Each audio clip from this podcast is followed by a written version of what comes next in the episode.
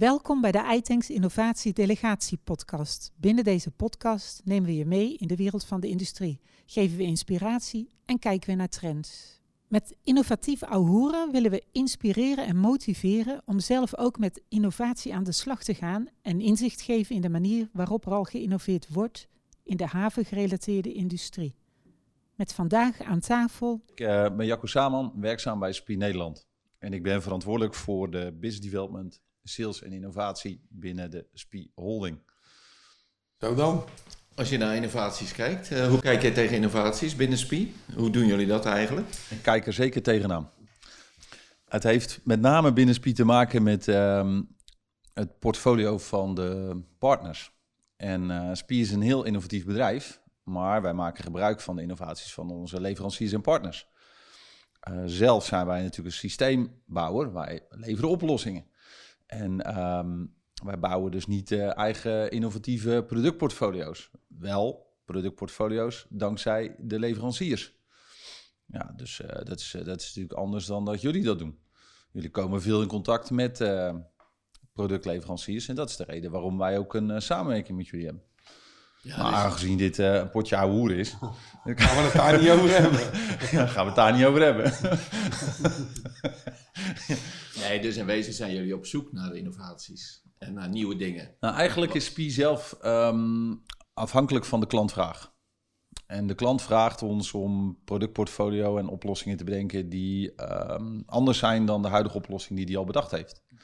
En op het moment dat je dan met een innovatieve oplossing kunt komen als SPI, nou, dan heb je een voordeel. Dan heb je een energiereductie of dan heb je een, een verdigitalisering uh, gerealiseerd bij die eindklant. Dat wil niet zeggen dat die klant daar zelf niet mee kan komen hè, via een adviseur. Maar wij kunnen ook als PI advies geven welke uh, toepassing en welke oplossing hij kan, uh, kan afnemen. Dus je bent in wezen ook proactief op zoek naar eigenlijk oplossingen voor je klant. Waar je klant misschien nog geen eens aan gedacht heeft. zeker. Dat is natuurlijk, dat is natuurlijk het mooie van nou, wij hebben een heel breed scala aan klanten, zoals je weet. Uh, van de industrie uh, tot aan uh, bruggen, sluizen, tot aan verkeersregelinstallaties, tot aan gebouwen, gebouwgebonden installaties. Over het hele marktspectrum zijn wij verspreid, verdeeld. En mogen wij onze dienstportfolio leveren. En iedere markt heeft zijn andere vraagstukken. dat kun je je voorstellen. Openbare verlichting stelt andere vraagstukken dan een brug of een sluis of een, een gebouw. Als je naar de toekomst kijkt, uh, wat zijn de ambities van uh, SPI? Of hoe, wat zou jouw ideale wereld zijn? De ideale wereld? Naar de toekomst. In, dus, um, binnen SPI of in, uh, in de markt? Ja, met de innovatie. of nou, binnen... de wereld aan zich. Ik kan heel breed... Ja. Nee, maar de, gewoon gezien naar innovaties en de, en de veranderingen die, we, nou, die ons te wachten. Nou, het is wel leuk dat je dat vraagt, Cor. Dat is eigenlijk wel... De innovaties van een aantal jaren geleden waren met name geënt op uh, nieuw, nieuwe gereedschappen. Uh, jullie kennen allemaal van de, van de schroevendraaier naar de Makita en van de Makita naar lijmen. Ja, nou, dat, dat duurde een aantal jaren. Dat, dat proces duurt gewoon een aantal jaren. En wat je nu ziet is in de, in de, in de innovatiewereld uh, volgt de innovatie zich sneller op. Omdat de maatschappelijke druk uh, veel meer aanwezig is op het gebied van energie. Um, transitie, op verduurzaming, circulair. Uh, je, ziet, je ziet veel meer mensen communiceren met elkaar. Hè? Alles wordt gedeeld op uh, Twitter, Facebook, uh, Instagram. Eh. dus er is een andere vorm van druk om de innovatie heen. Om, het, om de vraag in de markt heen, waardoor dat die innovaties sneller op gang komen. En um, nou, in de ideale wereld zou het natuurlijk moeten zijn dat je intrinsiek zelf als eigen bedrijf die innovatie wenst toe te passen. Maar je snapt ook dat bedrijven zoals eh, BP, Shell, Total, uh, maar ook alle andere fabrieken, die hebben heel veel geïnvesteerd. En als je dan innovatie moet gaan doen, betekent dat dat je eigenlijk iets wat je nog steeds niet helemaal hebt afgeschreven, er weer uit moet halen en moet vernieuwen. Ja. we zien dat nu heel duidelijk bij de energietransitie. Als jij een, een, een plant hebt gebouwd of je hebt een, een gebouw neergezet, uh, dan zijn er een jaar later alweer nieuwe innovaties die je kunt toepassen, waardoor het energieverbruik gereduceerd kan worden. Ja, dat heb je niet bij, die, die waren er een jaar geleden niet. Ja, als je dat dan moet vervangen in je capex, dan kost dat, ja, dan kost dat per saldo te veel. Dus in de ideale wereld zou je uh, verwachten dat bedrijven eigenlijk gebruik maken van de producten en ze niet aanschaffen. En dan kom je dus in de discussie over as a service, dus gebruik uh, pay per use. En dat, dat zorgt ervoor dat leveranciers en partners, en waaronder SPI ook, de mogelijkheden hebben om vandaag iets in te bouwen. Over twee jaar is er een vernieuwd product. En dat, product weer, dat oude product weer uit te halen, nieuw product installeren. En daardoor de energielast of het, het duurzaamheidsvermogen van die klanten uh, te optimaliseren. Ja, dat zou zelfs een, uh, nou, een zegen is misschien een groot woord voor zoiets. Maar het wel helpen bij de energietransitie. Ik denk dat het helpt. Alleen jij snapt ook, en jullie snappen ook, dat uh, dat te maken heeft met investeringen. Ja. CAPEX, OPEX budgetten liggen vaak vast. Uh, moeten vaak heel veel schrijven door. Hè. Bij heel veel opdrachtgevers uh, moeten nou ja, niet eens de CEO, maar haar managementteam of zijn managementteam en de lagen daaronder bepalen vaak hoe dat er doorheen druppelt. Ja, als jij, als jij al 10, 15 jaar met hetzelfde product, met dezelfde partners en met dezelfde leveranciers samenwerkt, is soms, is soms het loslaten van die relatie moeilijk. Ja. Omdat het een relatie is. En um, dan kan het nog steeds zo zijn dat een andere leverancier een beter product heeft. Je zult toch mogelijkerwijs wel even kiezen voor die relatie. Wij als PI zeggen gewoon, joh, dan hou je die oude relatie, maar je krijgt er een nieuwe relatie bij. ja. en dat is waarom we met jullie samenwerken. Want jullie ja. creëren nieuwe relaties. Ja. Nou ja, dat, dat is ook zo. Maar in, in uh, wat je net zegt, hè, dat, dan doe je na twee jaar komt er weer iets nieuws. Dus dan kan je dat vervangen, zeg maar, bij een klant. Maar wat doe je dan met die. Met dat uh, oude? Ja, gaat dat dan weer naar een volgende die nog niet nee, zo ver uh, is? nee, het, het, is eigenlijk hetzelfde als met batterijen. Die, die, um, ja, die komen weer terug bij de leverancier. Hè? En die worden dan naar een land als Afrika gestuurd, denk ik. Um, niet dat daar een probleem mee opgelost wordt. het probleem verplaatst zich. Um, dus daarom is er nu anno 2022, 2023, zal de terminologie hè, de komende jaren als circulair veel meer naar boven komen. En dat betekent dat die oude componenten er weer uitgehaald worden. Die worden uh, gespleten in ruwe grondstoffen weer, teruggebracht naar ruwe materials, die je weer kan toepassen in het produceren van vernieuwbare producten. Dus dat betekent dat, ook al is het maar twee jaar oud, het misschien gerecycled kan worden, hè, het volledig circulair uh, uh, wordt en weer toegepast kan worden in een nieuw productportfolio. Daarmee gooi je het niet weg, daarmee vernieuw je het. Dat vind ik beter dan het brengen naar een god in Afrika of uh, naar de kust van Nigeria of uh, laten aanspoelen. Of, uh... Ja, laten we de troep wegsturen. nou ja, nou, ik denk dat daar in Nederland wel wat handel voor is, omdat daar fabrieken bij horen die die recycling moeten doen. Ja. Ja, clubs zoals VDL zijn hele grote jongens die productportfolio maken en machinebouwers. En zij zijn in staat om een nieuw typologie machine te ontwikkelen om, om die recycling op gang te brengen. Ja, en als je kijkt, hè, als je, wat is het in 2030? Moeten we halveren qua CO2 of zoiets? Um, ja, uh, dat was wel de bedoeling hoor. Ja. Dat was wel de bedoeling. Ja, dat is de bedoeling. En dat is, maar als je dan kijkt, is dat over zeven jaar. Hoe kijk je er dan tegenaan? Ja, ik denk, uh, volgens mij weten we dat al een tijdje, Cor. Ja. Um, nou, ja. Dus, dus de periode, de periode de, ja, ja, maar de periode die, uh, die wij erover doen om tot besef te komen dat het, dat het jaar dichterbij komt, um, legt een soort onnatuurlijke druk op bedrijven. bedrijven wachten uiteindelijk, die verwachten eigenlijk nog wel dat we iets aan bijstelling doen. heel veel bedrijven wachten daarop. En dat is op zich ook logisch. Alleen nu heeft het kabinet besloten om niet 2030 te wachten, maar 2027 of 2028 het juist naar voren toe te trekken. En daardoor wordt de energietransitie en de verduurzaming alleen maar um, um, ja, geweldiger en, uh, en nog drukker. Ja, misschien meer een strijd zelfs. Zeker, er wordt al gevochten om de arbeidskrachten. Ja. als je ziet, uh, alle partijen hebben, uh, als je een stop moet doen, bijvoorbeeld in de industrie, kun je ook tegelijkertijd elektrificeren. Ja. Je ovens elektrificeren, je kunt een waterstofontwikkeling doen. Dat kun je niet iedere, ieder jaar zomaar even stil ergens op plant. Nee. Dus dan moet je doen op de momenten dat je hem toch al stil hebt gelegd. Ja, als je dat nu weet en je plant dat de komende vijf, zes jaar, dan kun je daar momenten in kiezen om dat te doen. Je kunt er ook voor, voor kiezen om gewoon je plant even stil te zetten. En in een andere anticyclie ja. die vernieuwing te doen. Ja. Maar dat, dan moet je je productieproces stellen. Maar goed, er komt een recessie aan. Dus, er zijn nog plekken, dus er zijn nog plekken genoeg om, uh, om dat in te vullen. Ja, ja, ja, nee, dat klopt. Want je hebt uh, nou, stops elke vier jaar. Nou, je hebt ook wel tweejaarlijks, maar, maar ook zesjaarlijks. Maar goed, uh, ja, jullie weten ook dat als ik een stop heb op één plant... en die zijn onderling aan met elkaar verbonden... omdat ze de warmte bijvoorbeeld delen vanuit een duurzaamheidskarakter dan is het stilzetten van één plant tegelijkertijd de reden waarom die andere plants eigenlijk ook een stop moeten ja. hebben. Ja. Omdat het dan handig is. Nou, dat is niet handig voor de branche. Dat is niet handig voor ons als, als technische uh, leveranciers. Omdat je dan alle plans in één keer moet doen. En als je ze dan ook nog een keer allemaal moet ombouwen naar waterstof of naar elektrificatie, dan heeft dat wel wat voeten in de aarde. Ja, en d- dat soort afwegingen moet je eh, niet individueel maken, maar zul je samen in de branche moeten maken. Maar zie jij nu al dat dat soort plans daarmee bezig zijn om bij de volgende stop te gaan elektrificeren of over te gaan op waterstof? Nou, diegenen die dat niet doen, die weet ik zeker dat 2030 gaan overschrijden. Eh, omdat ze daarmee eh, ofwel een andere reden hebben om dat te doen. Hè. Je kunt ook CO2-certificaten kopen. Hè. Dan koop je een bos in eh, Afrika en dan laat je dat bos bouwen, de Green Stand bijvoorbeeld. En dan, ehm, maar dat is heel anders. Je, je kunt er ook voor kiezen om, eh, om het uit te stellen en te verwachten dat dan de capaciteit van de technische markt weer beschikbaar is na 2030. Kun je natuurlijk ook op gokken. Ehm, maar veel bedrijven eh, zijn er nu wel degelijk mee bezig om. Dat merk jij hè, in, eh, in jouw vak met, eh, vanuit het aandragen van innovaties en portfolio. De, e- er is een enorme vraag naar scale-ups die een werkend product hebben om te zorgen dat ze in een werkende installatie dat werkende product kunnen inbouwen. Er- eh, soms erbij hè, in de utilities en soms in het primaire bedrijfsproces. Nou, we hebben het nou over innovaties. Maar eigenlijk, eh, waar wij ook wel mee bezig zijn, is eh, het, die studies. Nou, hoe kan je nou verbeteren zonder innovatie? Hè? Hoe kan je nou eh, eh, Optimaliseren. gewoon- ja, optimaliseren en kijken naar je plant. eh, daar is best veel te halen. Maar, ja, goed, het is al jaren zo hoor. Ja. Kijk, een plant is ontworpen eh, om gedurende een bepaalde periode in een, in een jaar productiecapaciteit te maken. Ja. Eh, in, die, in die tijd dat de plant misschien ontworpen is, werd er ook altijd nog rekening gehouden met.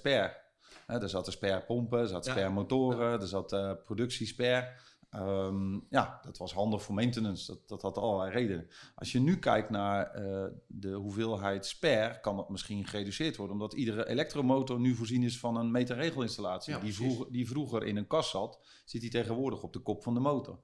Dat zijn innovaties die ertoe bijdragen dat je productieproces omhoog kan. En dat je wellicht minder onderhoud hebt, waardoor dat je meer productie kan maken met, met dezelfde plant. Ja. Dat soort toepassingen. En misschien verandert de vraag van de consument wel. Hè? Je, ziet, ehm, je ziet dat de voedselketen verandert. Hè? We moeten, de boeren gaan allemaal eh, dicht. Dat betekent dat er meer biologisch voedsel komt uit een fabriek. Ja, dat is een andere fabriek. Andere fabrieken betekent een andere manier van productieprocessen. Dus die fabrieken moeten weer gebouwd worden. En Andere emissies. andere misschien. emissies. Ja. Dus ja, dus het, het, eh, ik denk, ik geloof wel dat wij in Nederland continu bezig zijn met die vernieuwing. Ook van de vernieuwing van het Dat soort en ook, type bedrijf. Ehm, maar, maar dat moeten wij wel blijven doen. Hè? De discussie nou over LNG, die Ja. kennen jullie ook. Ja. Er komt in Nederland komt er toch een LNG-terminal. Nou, die komt dan uit schaliegas eh, vanuit Amerika ingevlogen. Heel innovatief. Het kost alleen een beetje meer CO2 dan, eh, dan normaal gas. Ja, de vraag is dan hoe wij daar in Nederland mee omgaan. Nou, wij bouwen dan eh, eh, in Nederland van dit soort plans. Uiteindelijk moet het opslaan, maar die opslag kost heel veel, ja, dat kost heel veel energie. Dat- Ja, maar ook, ook daar zijn natuurlijk wel veranderingen gaande om dat LNG weer een soort groen te krijgen. Ja, als je het eh, met groene elektriciteit eh, koelt, dan blijft het eh, uiteindelijk eh Nee vloeibaar. maar, zon- nee, maar vanuit waterstof, volgens mij waterstof en CO2, dan maken ze ENG. Ik heb pas heb ik zo'n bedrijf gesproken. En die gaan het dan opwekken in het Midden-Oosten. Ja, onder De- de zonne-energie. energie, Ja, zonne-energie. of in Nigeria. Of en dan transporteren we het naar, naar Europa. En dan gaat het hier naartoe en dan wordt het als ENG Verkocht. verkocht. En dat, Ja. dat is een soort groene LNG wordt dat dan. En volgens mij zit daar ook wel... Ja, voor ons, Die kant gaat het... Ja, voor jullie maakt het niet uit. voor dus ons het maakt het een niet uit, het is gewoon een installatie. Ja, Ja. ja. Alleen wij, wij hebben wel de focus op eh, innovatieve verduurzamingsinstallaties. Dus installaties die bijdragen aan de verduurzaming van de wereld. En een reductie van CO2. Dat noemen, ze, dat noemen wij de, de Green Share. Dus wij worden als bedrijf ook gemeten op de Green Share taxonomie ladder. Waarbij dat je aangeeft hoeveel percentage van je omzet ehm, eh, eh, bijdraagt aan een verduurzaming en een groene economie. En dat, dat percentage ehm, hebben wij uitgesproken, dat gaat zeker groeien. Maar daar heb je innovatieve productportfolio's voor nodig om die te adviseren bij je klant. Om zodoende continu bezig te blijven met die vernieuwing bij je opdrachtgever. Zijn er dan ook installaties die je zegt van nou dat doen we als speed doen we dat helemaal niet meer als eh, we daar een aanvraag voor krijgen? In de, in de huidige, ehm, het heeft te maken met, ehm, dat is voor ons best wel een moeilijke keuze. Ja, hè? Die vraag ik. hebben we ook eens aan onze CEO gesteld. Ja. Een grote CEO in Parijs. Dus, ehm, eh, maar uiteindelijk zegt hij ook, en daar ben ik het eigenlijk volledig mee eens, als je mensen aan het werk hebt, en dat hebben wij, zo'n 7000 collega's binnen Nederland. Stel, er komen eh 100 aanvragen en je, je zit met die 7000 mensen vol. Gewoon compleet vol. Ja. En die 100 aanvragen die erbij komen, die zijn eigenlijk allemaal duurzaam. En je doet al heel veel duurzaamheid, en dan kun je die er niet bij doen. Nee. Maar als je die 7000 mensen niet allemaal aan het werk hebt, en je hebt er maar 6000, dan kun je daar een keuze in gaan maken. En die keuze ga je dan laten eh, afhangen van de wijze waarop dat je eh, een duurzaam project kiest Ja. Ja. of een niet duurzaam. Aan de andere kant, we hadden het er net over relaties. Als jij al jaren voor een bepaalde opdrachtgever innovatief mag werken, dan is het, is het ook best wel lastig Ja. om tegen die opdrachtgever te zeggen: Ja, sorry, maar ik heb nou 25 jaar lang hier stop gedaan. Maar ik ga nu bij een eh, ander bedrijf, wat veel duurzamer is, die stop wel doen. Ja, en bij jou niet, meer. Nee, nee. Want eh, dat gaat eigenlijk niet helemaal. Nee. Nou, sterker nog, dat voelt vervelend. Wat je wel zou kunnen doen, en waar wij op aansturen, is dat we in gesprek gaan met die oudere relatie en zeggen: joh, als we dan toch die stop gaan doen, is het dan niet verstandig als we verduurzaamde verduurzamen, ja. en verduurzamen en slimme, innovatieve, nieuwe groene onderdelen inbrengen. En dan kan je tijdens de stop toch die energietransitie maken, toch die Ja. verduurzaming, toch die digitalisering. En dan verlies je niet de relatie met je klant. nee. Maar daarin word je, word je tegenwoordig natuurlijk beperkt in het aantal mensen wat je Ja, ja, kan dat- krijgen. Ja, dat, dat is, eh, die discussie heb ik vaak intern. Hè, want vanuit de, mijn eh, afdeling, vanuit de directie, is, mijn rol is dan als directeur innovatie development, moet ik nieuwe dingen aanbrengen. Maar nieuwe dingen leiden tot werk. En werk hebben we op, op sommige momenten gewoon in overvloeden. En dan, ehm, dan gaat de discussie vaak over, maar die aanvraag ga ik eigenlijk niet aanbieden, want ik heb, ik heb onvoldoende capaciteit. Nou, mijn dialoog is daarin, en ik geloof daarin, dat we de komende jaren veel meer gaan eh, prefabriceren. Hè, modulebouw, Ja. legolisering, ehm, eh, versimplificatie van de installatie betekent dat. Dat betekent op een innovatieve manier toch hetzelfde product leveren, gebouwd in een veilige omgeving, in een, in een, in een werkplaats waar, of in een fabriek, Sowieso waarin al die componenten bij elkaar Ja. komen, zodat je op de locatie zelf, eventueel gerobotiseerd, heel veel bij elkaar kan brengen aan componenten en die uiteindelijk als een soort blokkendoos in een gebouw, in een industrie kan positioneren. Waardoor dat je heel snel in de bouw het onderhoud of, of dat project kunt doen, maar je hebt je eigen personeel heel dichtbij je gehouden en eh, de gereedschappen zijn er altijd. En het scheelt ook nog eens een keer in hoeveelheid materiaal. Want als jij een klus op de, op, op het, op de site doet, heb jij vaak meer materiaal. Hè? Omdat daar gewoon simpelweg. Er wordt altijd wel iets extra's besteld, omdat er misschien een bocht mist of iets anders. Het kost ook meer tijd. Kost ook meer tijd. Maar sommige installaties kun je natuurlijk niet prefabriceren. Die zul je wel in de, in de, in de locatie Ja, moeten het is doen. een Nou, combinatie van dus dat wordt een goede afweging tussen... eh, heb ik voldoende personeel inzetbaar op de locatie... of bouw ik eh, eh, een deel van het onderhoud of de installatie eh, bij ons thuis. Dat kan bijvoorbeeld dan in Sprundel of in Weijen of in eh Hoogezand. Maar is het dan ook niet zo bij een bedrijf als Speed dat je dan ook zou kunnen zeggen, want jullie zitten ook in Polen, in Frankrijk, in Spanje, in, in verschillende dat in Polen dan die, bij wijze van spreken, die, die, die skits worden gebouwd en in Nederland alleen nog aan elkaar gesleuteld. Ja, dat kan. Dat, kan. Dat, za- dat zie je wel vaker gebeuren. Hè. Je ziet dat met eh, een mooi voorbeeld eh, zijn cv-ketels. Voor de, maar dat is dan de particuliere markt. Maar cv-ketels worden als een doos gemaakt. En dan komen ze in Nederland en dan moet je ze eigenlijk alleen nog maar aansluiten. Stekker erin, boekje doorlezen ja, en netjes instellen. Ja. Nou, die manier van denken gaat natuurlijk ook voor de grotere installaties komen. Ja. En ehm, daar zijn wij als SPIN natuurlijk wel bij, bij betrokken. Alleen het transport van hele zware, grote componenten is vanuit een land, Tsjechië, Polen, Hongarije, is lastig. ook wel weer lastig. Dan kun, je, dan kun je, omdat we hier in Rotterdam zitten, zit je hier bij de haven, zit je eigenlijk veel beter. En dan kan je beter het product hier samenbouwen. En dan hier vandaan transporteren over de wereld, over de, over de zee. Ja. Zoals wij dat gesprek met Seagreen hebben lopen, omdat zij vanuit eh, Zweden eh, naar, eh, naar Europa willen komen. Of naar Europa zit in Europa, maar, maar meer naar het Nederlandse eh, gedeelte. Ja, ja. Om van daaruit, vanuit Rotterdam, de rest van Europa te gaan bedienen. Omdat zij snappen dat transport over water is tonnage ongelimiteerd. En over de weg moet je toch altijd een brug, viaduct. ehm, eh, de hoeveelheid ton eh, die je kan vervoeren is beperkt. Oké. Ja, en eh, uiteindelijk zit, eh, als je het in Nederland kan bouwen. Ah, is goed voor werkgelegenheid.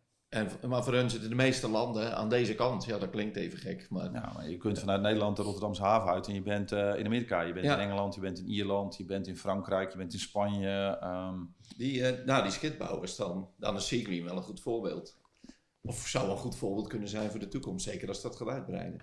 Maar, maar j- jullie zitten hier op, eh, ik ben hier te gast op de DOC, eh, Op de RDM, op de RDM, oude RDM campus. Nou, die jongens deden niks anders dan eh, machines bouwen en eh, die machines hier eh, eh, samen, samenstellen en inbouwen en uiteindelijk transporteren naar wereldwijd.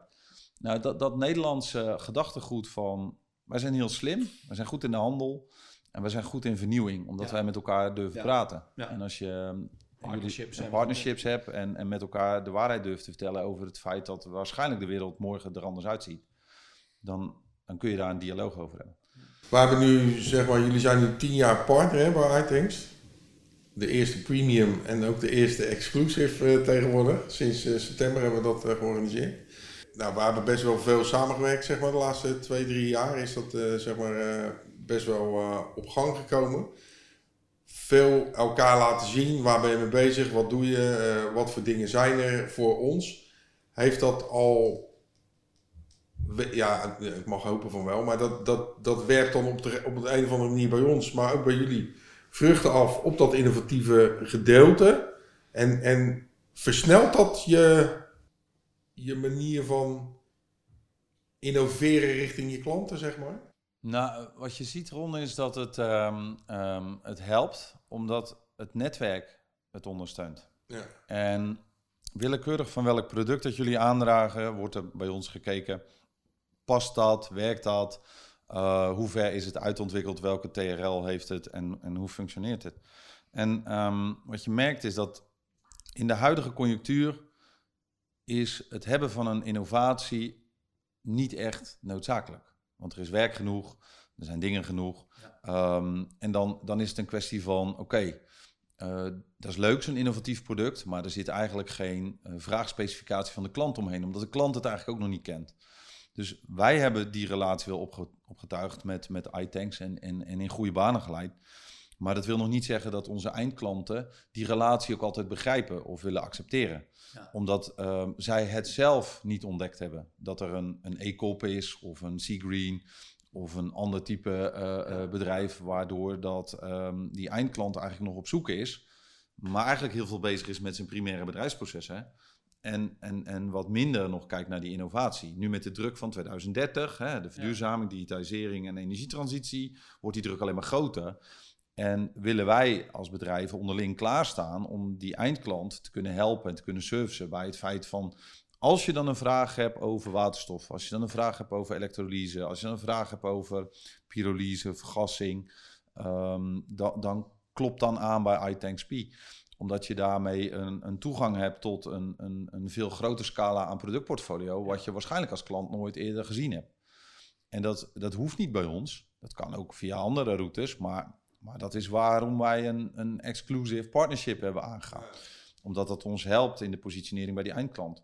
Wij kiezen ervoor om met die partijen samen te werken en met die productleveranciers, zodat de rest van de markt denkt: hmm, hmm, hmm, misschien moeten we daar toch eens over nadenken. Weet je Ze zijn wel aan het ouwe hoeren, de Saman is wel lekker aan het ouwe hoeren, maar, maar hij heeft ook wel een aantal dingen bedacht waarvan, hmm, shit, waarom heb ik dat zelf eigenlijk niet Ja, bedacht? ja. Ja. Dus eh, Ja. ja, Nu je dat zo zegt, hè, is het dan misschien ook nog van grote belang om juist bij de eindklanten van die ook aangesloten zijn hè, bij ons, een deel, en die ons ook kennen, om daar nog duidelijker te maken dat er dit soort eh, dingen zijn. Los van spie, hè, maar dat ze Ja, ja. gewoon, nou doen we dat natuurlijk wel, maar misschien zouden we dat op een iets grotere schaal nog voor elkaar Ik kan natuurlijk geen bedrijfsvoering voor iTanks invullen. Maar Nee, als ik iTanks zou zijn, zou ik innovatief denken. En dan zou ik denken, ik heb een aantal grote eh, partijen. Die zijn druk bezig met hun huidige productportfolio. Hè? Eh, allerlei projecten wereldwijd. En zij denken wel na over 2030. Maar dat is allemaal in verschillende lagen wordt daarover nagedacht. Klopt. En eh, de bovenste laag zal er vast zeker over nadenken. Maar dat wil niet zeggen dat dat naar beneden druppelt. En die, die informatie komt dan al helemaal niet bij de business unit lagen of de projectlagen.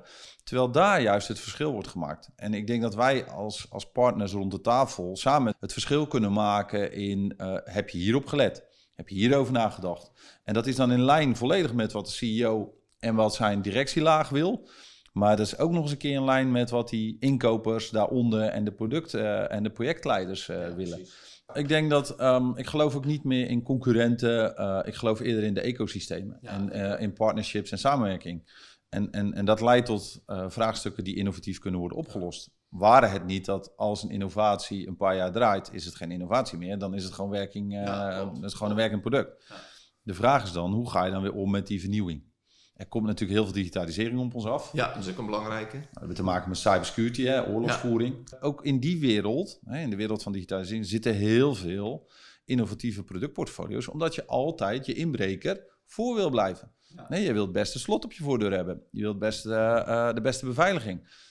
Waar je vroeger een kasteel had met een ophaalbrug, heb je dat tegenwoordig in de, in de IT ook. Ja. En hoe meer schillen je hebt, hoe, hoe veiliger je installatie wordt, hoe, nou ja, hoe veiliger het voor de eindklant is. Nou, dat zijn, dat zijn hele lastige productportfolio's om ook naar de markt toe te brengen, omdat je wil er eigenlijk niet over praten. Ja? we, ja, we gaan afronden. We gaan afronden. Oké. Ja, hoe wil je afronden dan? Kijk, we zitten hier nu bij elkaar een beetje zo te ouwehoeren. Ehm, ik maar wat is, wat is nou het vervolg? Wat, wat gaan jullie hier nou mee doen? Nou, wat we eigenlijk altijd gezien hebben, wat ik eigenlijk hieruit opmaak, we hadden natuurlijk van die inspiratiemiddagen. En misschien kan je dat wel met SPI en een klant een inspiratiemiddag houden over alles wat we hebben en wat er voorbij komt. Ik zou er een hele week van maken, want uiteindelijk bij iedere klant... ehm, ik denk dat er heel veel klanten zijn die ehm, vraagstukken hebben... waar intern op, op directieniveau wel over gesproken wordt... maar waar op plantmanagementniveau wordt gedacht van... en hoe ga ik dat doen? Ja, precies. En, en die brug, hè, dat, die brug kunnen jullie vanuit iTanks slaan. Hè? Jullie, jullie Ja. zijn hier ook de brug. Ja, Eh, en wij zijn als, als SPI ook een brug. Nou ja, in het potje ouwe hoeren komt dat dan wel naar boven drijven dat het goed is en gezond is om met elkaar de uitdaging te bespreken in plaats van de oplossing. ja, precies. Want wij kunnen wel een oplossing bedacht hebben, maar dat Als wil helemaal niet zeggen als, als Boskalis dat niet nodig heeft, gaan ze het toch niet gebruiken.